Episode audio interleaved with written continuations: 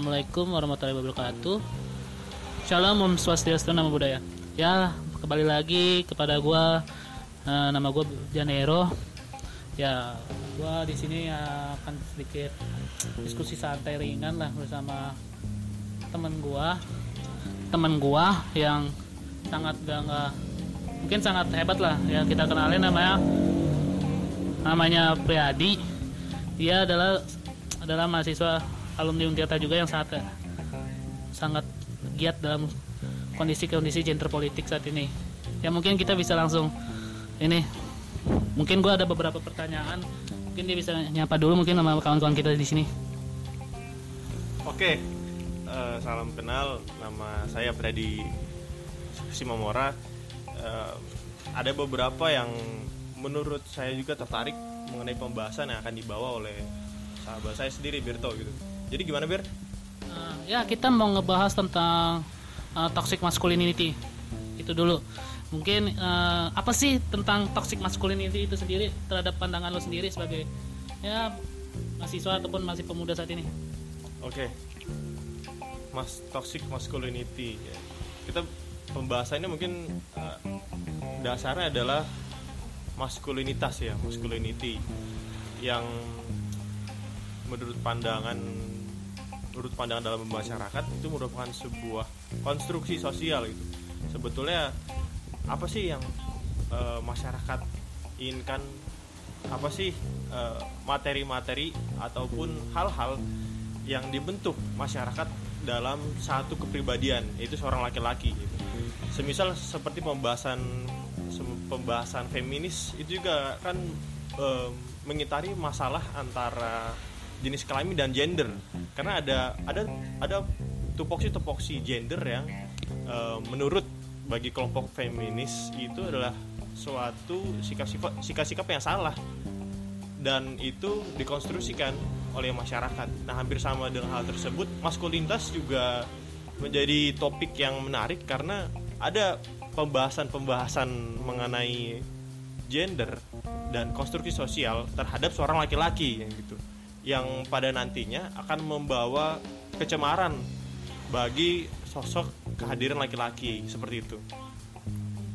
Oke, menurut gue ini sangat menarik sekali ya eh, terkait pandangan lo sendiri. Eh, terus yang kenapa ya kalau kita lihat ya kondisi sosial ini mempengaruhi terhadap apa toxic masculinity dan kenapa juga toxic masculinity ada di lingkungan kita kita. Oke, baik. Memang eh, kenapa penyebab eh, toxic masculinity ada memang terlepas dari berbagai banyak faktor dan sumber lah ya. Karena itu juga mengikuti bagaimana adat istiadat dalam masyarakat, bagaimana budaya yang terbentuk, bahkan bagaimana perkembangan agama yang dianut dalam setiap golongan ataupun kelompok masyarakat itu juga akan membentuk bagaimana masyarakat membentuk suatu karakter bagi seorang pria gitu bagi eh, yang harus mem- memiliki sifat-sifat dasar-dasar tertentu semisal seorang laki-laki dituntut untuk menjadi seorang yang eh, pemberani keras kasar nggak nggak boleh nangis. Dari kecil dari kecil kan se- sejak semenjak mas semisal seorang anak kecil eh, konstruksi mengenai eh, maskulinitas sudah sudah konstruksi sudah dikonstruksi masyarakat ke anak kecil gitu bagaimana dia harus berperilaku bagaimana mereka harus bersikap gitu. Seorang laki-laki anak kecil walaupun mereka masih anak kecil sangat dituntut untuk tidak menangis. Nggak apa-apa. Kuat berani. Nah itu kan eh, itu menjadi salah menjadi salah satu konstruksi eh, bahwa seorang laki-laki itu dituntut untuk tidak menangis, dituntut untuk tidak menjadi penakut, dituntut untuk menjadi kasar, keras gitu. Jadi adapun walaupun ada beberapa eh, sifat-sifat dalam konstruksi tersebut yang akan berdampak buruk pada nantinya gitu. Yang akan nanti akan dijelaskan selanjutnya. gitu. Oke. Jadi kalau menurut lo sendiri toxic masculinity itu sendiri berkembang ataupun ada itu karena eh, apa karena norma sosial yang ada ya mungkin ya. Iya, emang tadi sempat saya sebutkan memang kenapa itu ada em, didorong oleh berbagai banyak faktor. Bisa faktor adat istiadat, misalkan orang Batak gitu ataupun orang Jawa. Itu kan mempengaruhi juga bagaimana mereka mengkonstruksi seorang eh, pribadian laki-laki seorang laki-laki harus berperilaku bersikap ataupun dalam eh, ada ataupun dalam ajaran-ajaran agama yang menuntut eh, seorang pria itu harus berperilaku seperti apa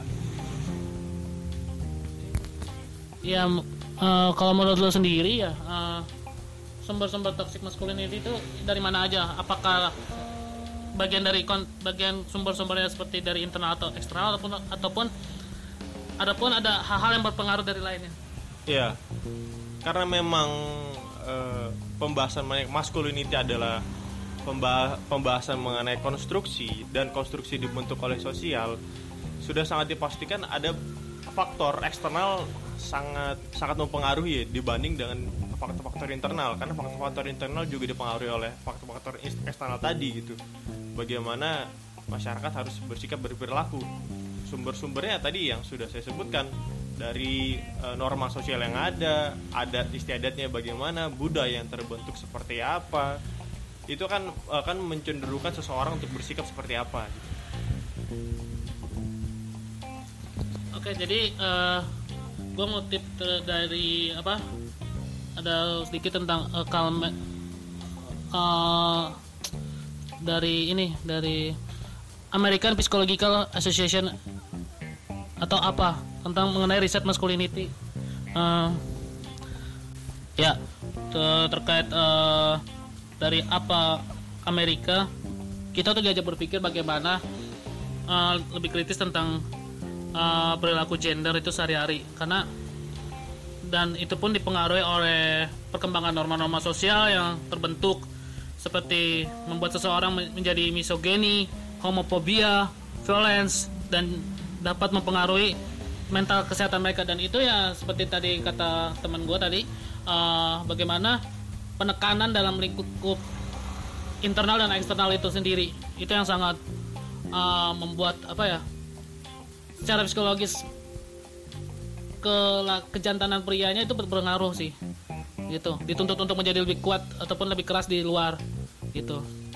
Dan yang dan kita lanjut lagi ke bagian tentang dampaknya itu sendiri. Nah kalau menurut lu sendiri eh, dampak dari toxic masculinity itu membuat kita seperti apa? Karakter kita itu ter itu bagaimana? Dan juga cara mindset berpikir kita apakah berubah atau eh, apakah lingkungan pertemanan eh, circle pertemanan itu berpengaruh juga dalam toxic masculinity kayak misalkan ada ada bagian teman bagian dari karakter mindset itu apakah berpengaruh Gitu. Oke, baik. Mengenai dampak, Em, tadi eh, ada beberapa sifat alamiah seorang manusia seperti memiliki emosi, menangis, menunjukkan sisi-sisi emosionalnya itu merupakan sifat-sifat alamiah ataupun manusiawi yang mencoba ditutupi dengan sifat maskulinitas yang berlebihan. Dan yang berlebihan ini akan menciptakan kecemaran seperti toksik itu tadi tadi itu sendiri gitu. Seorang pria tidak boleh menangis tidak boleh menunjukkan eh, emosionalitas secara berlebihan padahal itu merupakan sifat-sifat manusiawi yang memang setiap orang menjalani hal tersebut gitu kan lalu dampak seperti apa dampak yang paling parah ya ialah ketika seorang pria memandang posisinya lebih besar daripada seorang perempuan gitu. Bagaimana dia memandang seorang perempuan itu sendiri lebih rendah jadi subordinat dari seorang laki-laki. Karena seorang laki-laki yang dituntut adalah sebagai seorang pemimpin sebagai orang yang sangat ideal untuk menjadi seorang pemimpin dengan wibawanya dengan eh, logika dengan emosional yang tidak berlebihan masyarakat memandang bahwa seorang laki-laki adalah suatu sosok yang sangat sempurna untuk menjadi seorang pemimpin besar. Dan ini yang men- akan menjadi masalah dalam kehidupan ma- bermasyarakat ketika seorang pria juga memandang bahwa perempuan adalah subordinat dari sebuah konstruksi sos- sosial tersebut. Memandang perempuan menjadi rendah. Contoh semisal urusan-urusan uh, urusan-urusan belakang, urusan-urusan dapur seperti memasak, mengepel, mencuci, itu merupakan basic life. Basic life, bukan merupakan tugas seorang perempuan yang berarti basic life ini adalah setiap manusia setiap orang juga dituntut untuk mampu melakukan hal tersebut.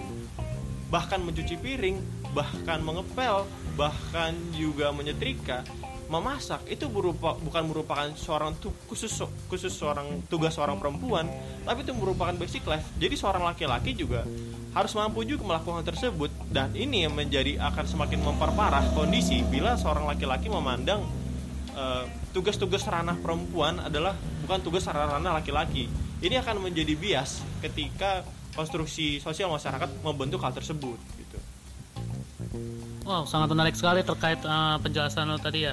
Cuman yang menjadi menjadi tanda tanya besar apakah apakah laki-laki harus dituntut memiliki sifat alamiah itu dan juga yang tadi uh, kita lihat bagaimana mereka berkelihatan garang di luar tapi sebenarnya di balik, di balik kegarangannya itu mereka menutupi sebuah uh, sisi, sisi dituntut untuk mengalami apa? Menutupi sisi alamiahnya itu dipaksa ataupun ya pokoknya begitulah. Yang sisi alamiahnya kita harus ditutupi lah biar kelihatan tegar atau bagaimana. Menurut lo itu wajar atau enggak sih kalau lo menurut pandangan lo?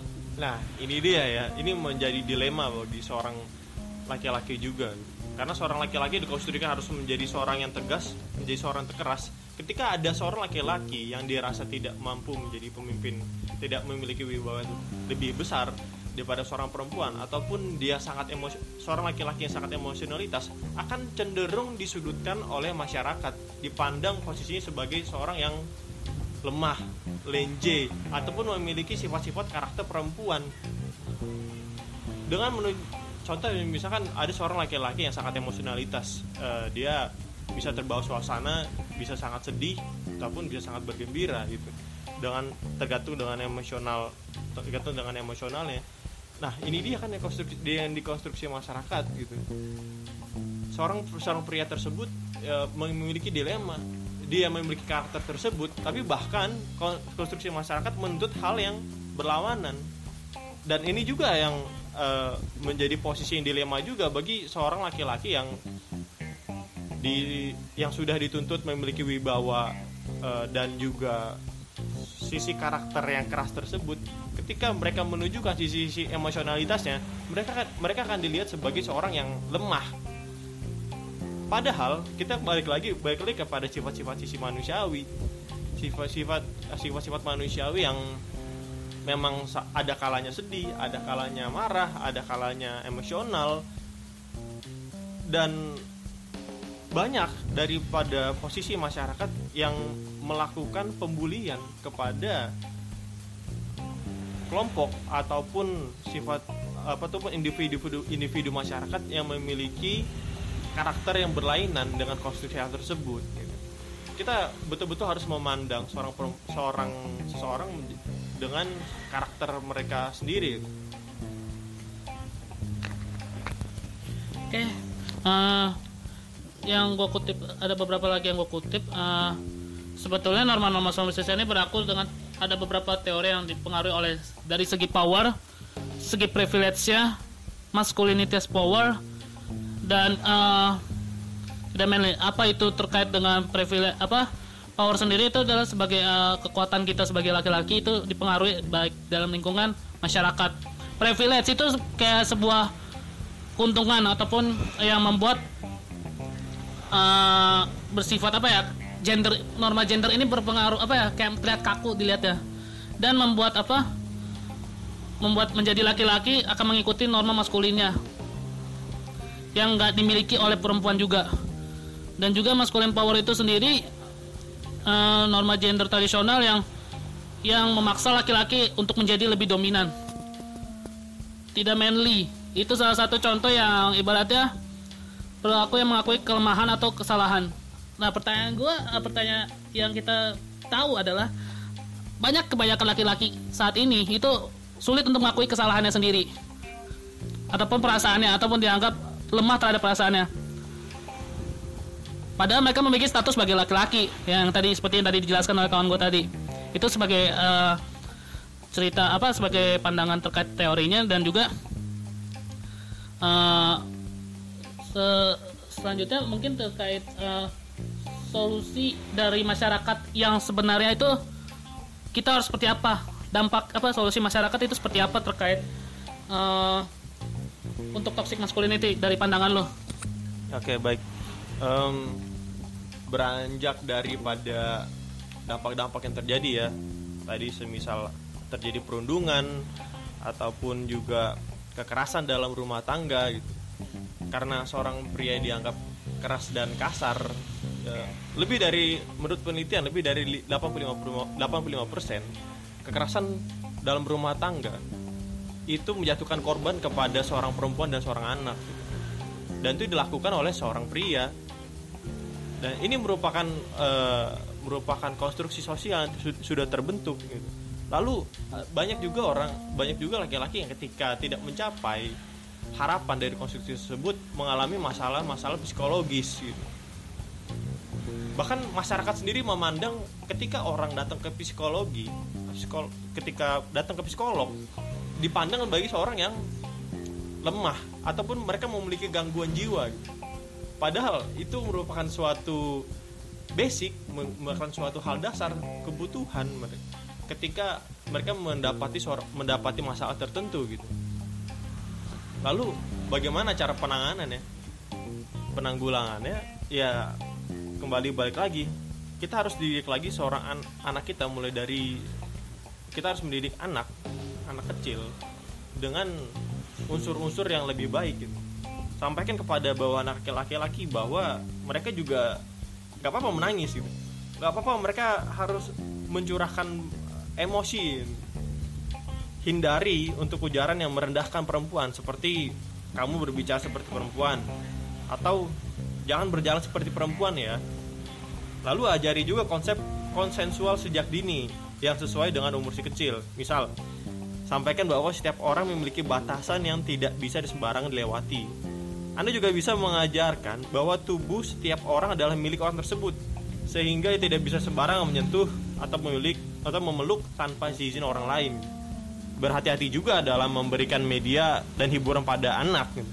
Apabila anda apabila mendeteksi ada elemen toxic masculinity dalam film kartun ataupun kesukaan seorang anak itu dan bagi seorang yang dewasa eh, saya pikir dengan memiliki pemikiran terbuka dengan berbagai banyak konsep dengan ya itu akan menjadi sebuah eh, evaluasi dalam pemikiran diri sendiri dan juga menjadi evaluasi dalam kepribadian untuk bagaimana kita seharusnya menghargai satu sama lain, menghargai diri perempuan dan menghargai juga diri laki-laki.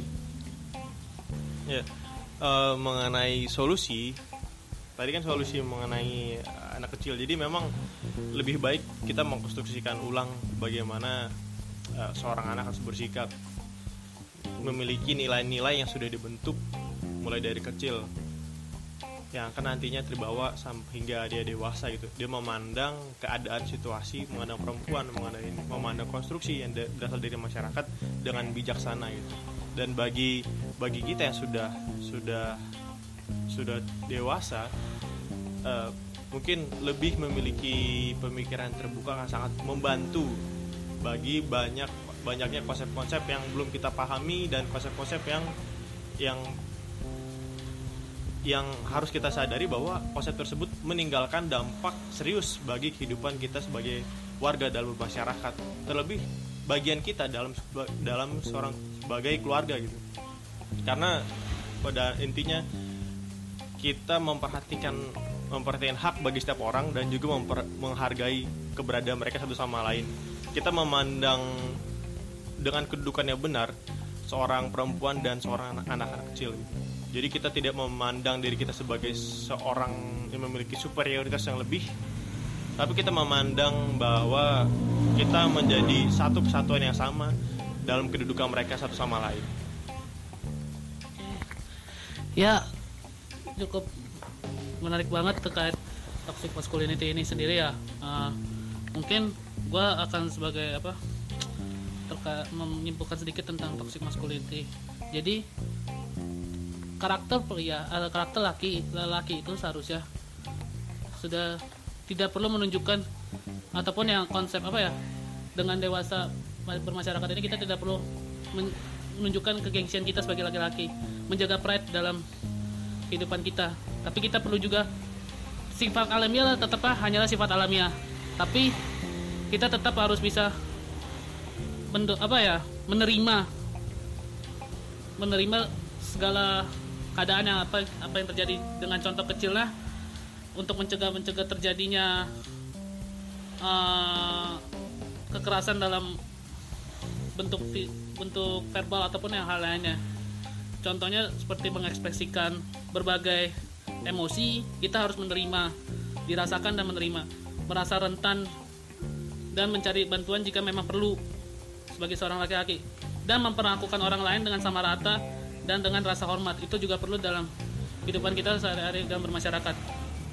Dan lebih dan inti poinnya adalah dan poin yang ke, keempat adalah mendengarkan dan menghargai perempuan. Itu juga perlu dalam sebuah konsep toxic masculinity menurut pandangan gue dan menjadi role model bagi laki-laki yang sebaya dengan mereka.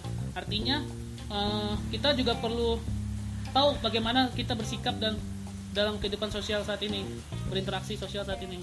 Mungkin itu dari gue oke okay, thank you banget untuk uh, kawan ap apa temanku Apriadi yang sudah memberikan terima kasih.